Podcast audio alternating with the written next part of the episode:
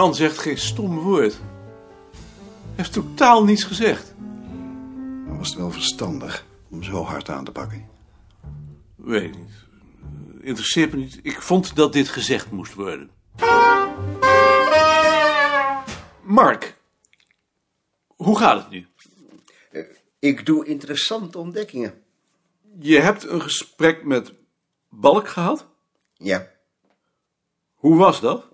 Dat was heel nuttig. Ik ben nu alleen bezig hun opmerkingen te verwerken en dat kost tijd. Daar wil ik met je over praten. Je hebt inderdaad toestemming gekregen om dat thuis te doen. Dat kon, zolang ik hier zat. Maar over drie weken treedt Van de Marel in dienst en die kan ik daarmee niet opzadelen. Dat kun je hem toch uitleggen? Nee, hij is nog jong. Hij heeft met dit soort problemen geen enkele ervaring. Als hij hier komt, moet hij met een schone lei beginnen en geen hypotheek uit het verleden aantreffen. Ik zie maar twee mogelijkheden. Je komt vanaf aanstaande maandag weer gewoon om kwart voor negen en blijft tot kwart over vijf. Of je vraagt een verklaring van je huisarts dat je maar zoveel uur mag werken. In het laatste geval zul je wel een oproep krijgen van de Rijksgeneeskundige Dienst. Dat is de normale gang van zaken. Met het risico dat hij me dan afkeuren. Dat is het risico. Ik moet je zeggen dat ik hier heel weinig voor voel. Ik zou liever maar op dezelfde voet doorgaan. Het gaat nu toch goed? Zolang ik hier zit, gaat het goed. Maar over drie weken zit ik hier niet meer. Ja, ik begrijp niet waarom we daar dan niet op kunnen wachten.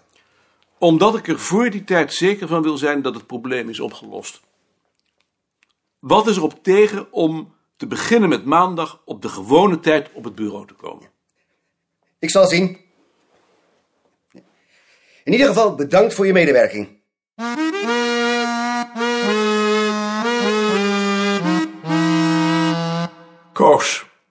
Ja, kan ik je even spreken? Hier? In de kamer van Balkmaar. Ga even zitten. Dit kan natuurlijk niet. Zo kun je iemand niet ontvangen.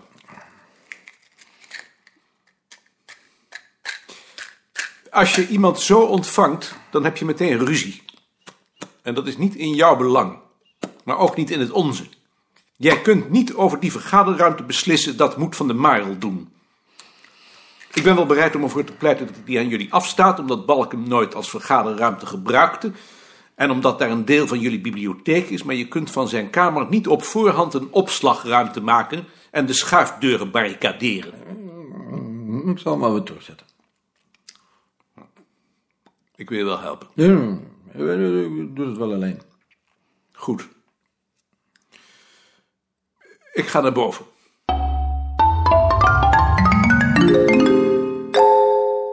Maarten, eh Huub zoekt je. Er is een probleem. Een probleem? Waar is Huub? In de tuin? Wat is er dan voor probleem? Eh, dat weet ik niet. Heeft Bekenkamp soms weer voorgesteld om de bomen te kappen of te kandelaberen? Nee, nee, dat geloof ik niet.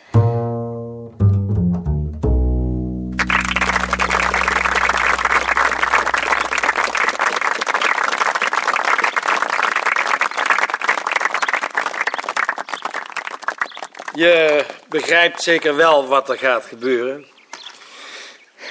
Ik begrijp het.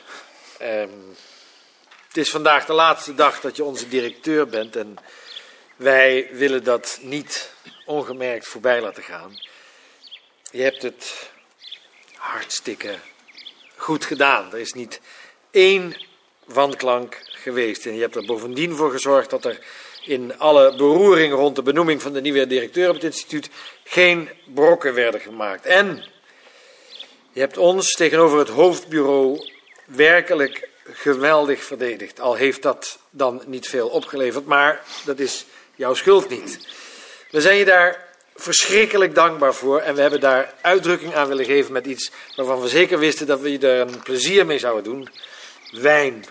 Een Château Haute Bage Libéral uit 1974.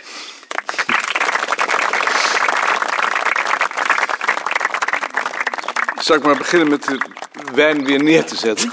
Dat zou ik maar doen, want hij is zwaar. Ben hier ontzettend blij mee. En dan moet ik natuurlijk ook wat zeggen. Laat ik beginnen met te zeggen dat het natuurlijk jullie verdienste is geweest dat er geen wanklank was. Jullie hebben het me de afgelopen vijf maanden nooit moeilijk gemaakt.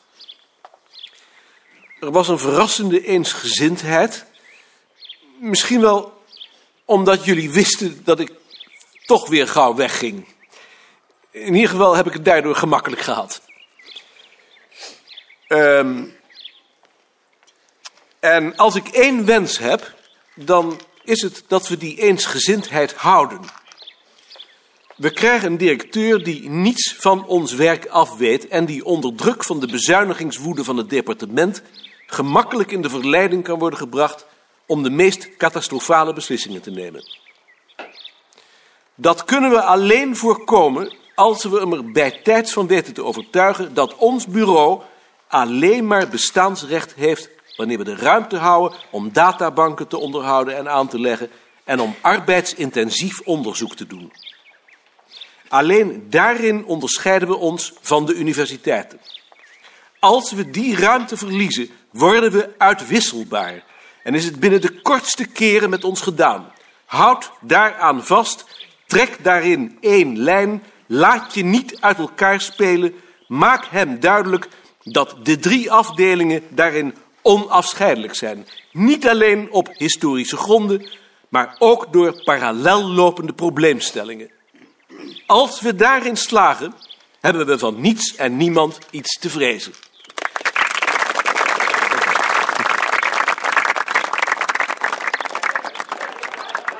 Wilt u een kop koffie hebben? Graag, maar die kan ik zelf wel halen. Nee, die haal ik voor u. Neem mijn stoel maar. En jij dan? Ik ga hier zitten. Ik ben verdomd blij met die wijn. Misschien dat Pandai hem in zijn auto naar je huis kan brengen, want hij is te zwaar om er dat hele eind mee te lopen. Ik zet hem voorlopig wel in de kelder. En dan haal ik hem wel een keer op de fiets. Hier is uw koffie. Ik heb er een extra schep suiker in gedaan. Zo was het toch?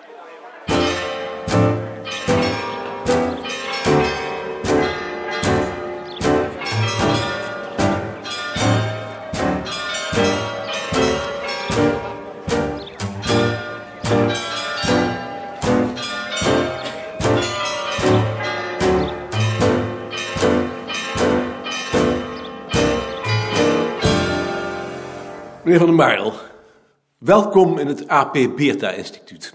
Hm? Zullen we beginnen met naar uw kamer te gaan?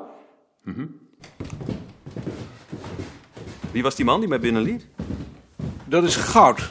Die vervangt Wichtbold als hij niet is. Wichtbold is met vakantie. Maar Goud werkt op de afdeling volksnamen. Hij is werkeloos intellectueel. Werkeloos intellectueel. Ik wist niet dat die bestonden. Misschien is die term nog van vroeger. Het bureau heeft een lange traditie. En daar zit Simon Hoevers. Die is er nog niet, maar die zal zo wel komen. Is dat de directiesecretaris? Nee, die werkt ook bij de afdeling volksnamen. Had Balk geen secretaris of secretaresse? Nee. Dat is de stoel van de directeur. Die kan draaien. U moet dat symbolisch zien. De andere stoelen zijn vast. Zullen we eerst maar gaan zitten? Balk had geen behoefte aan een secretaresse. In een klein instituut als het onze heeft dat geen zin. En bovendien bezet zo iemand een arbeidsplaats die we beter kunnen gebruiken. Maar voor ik verder ga, zullen we elkaar bij de voornaam noemen? Lijkt me gemakkelijker. Ik ben Maarten. Ik ben Dick. En ik heb hier de plattegronden van het gebouw. Waarop ik de plaatsen en de namen van de mensen heb ingetekend. Zodat je weet wie waar zit. Dit is de kelder. De begane grond. Eerste verdieping, tweede verdieping, derde verdieping. Heeft de kamer van de directeur geen eigen toilet? Nee, Nee, niet dat ik er nu een nodig heb. eh, dat begrijp ik. Misschien Kunnen we beginnen met je kamer? Dat deed je op de lagere school ook, in mijn tijd tenminste. Je begon de aardrijkskundeles met een plattegrond van je klaslokaal. In mijn tijd ook nog. Zo zie je, in essentie verandert er niets. Maar dat moet ook niet. Dit zijn je sleutels. Dit is de buitendeur. Dit is de binnendeur. Eh, zijn er nog meer mensen die een sleutel hebben? De afdelingshoofden, de conciërge, de administrateur en Sparreboom, omdat die gewoonlijk sluit. Maar dat, eh, dat, eh, komt nog. En dit is de sleutel van het ladekastje waarin de personeelsgegevens zitten. Deze gegevens zijn vertrouwelijk. Ik heb ze nooit bekeken, maar ik kan me niet voorstellen dat er iets vertrouwelijks bij zit. Het is een democratisch instituut. En dan vind je in je bureau in de rechterlaan nog een Hofnar sigarendoos met sleutels. Dat zijn de sleutels van de kluizen. Ik zou je die nog laten zien als we een rondgang door het gebouw maken. Er zitten nog wat andere sleutels bij, waar die van zijn weet ik niet. Dat zou dan toch eens nagegaan moeten worden. Dat kun je doen. Er liggen hier ook nog wat doosjes met sigaren. Die heeft Balk hier voor je achtergelaten. Dat is representatie. Die stoel daar heeft Balk op een veiling gekocht. Hoe hij op die leren lap kon zitten is mijn raadsel. Ik heb altijd een gewone stoel genomen als ik hier zat. We hebben hem bij zijn afscheid cadeau gegeven als aandenken, maar hij wilde hem niet hebben. Maar misschien vind jij hem wel geweldig. Laat eens kijken. Nee, die zou ik niet gebruiken. Ik heb hier een eh, volledige set van de jaarverslagen en van het mededelingenblad voor je neergelegd. En van elk van de drie tijdschriften de laatste drie jaargangen. De rest vind je in de kast. Ik zag in dat kamertje hiernaast een computer. Heeft de directeur die niet? Balk zag niks in de computer. Bovendien zijn er maar 15 computers op 45 mensen. Ik, ik, ik heb ook geen computer. Computers zijn de ondergang van ons soort wetenschap. Wie ging daarover? Balk? Er is een computercommissie. En wie is daar de voorzitter van? Jetje Meijer. Jetje Meijer. Eigenlijk zou de directeur dat toch moeten zijn. Je bent al voorzitter van de instituutsraad. En ehm, dan vind je hier de mappen met correspondentie. De correspondentie met het hoofdbureau, de begroting, de notulen van de instituutsraad en van de wetenschapscommissie, de notulen van de directeurvergadering. Misschien dat we ze het beste één voor één kunnen doornemen. Ja, nog één vraag. Ik zag dat er in de tussenkamer boven de deur een rood lampje zit. Waar kan ik dat aandoen? Waar kun je dat aandoen? Ik kan me niet herinneren dat Balk... eh, ja, ja, één keer. Ehm, misschien dit? Ja, dit is het. Oh ja, nog één ding. Alleen jij en de vier afdelingshoofden hebben een directe lijn naar buiten.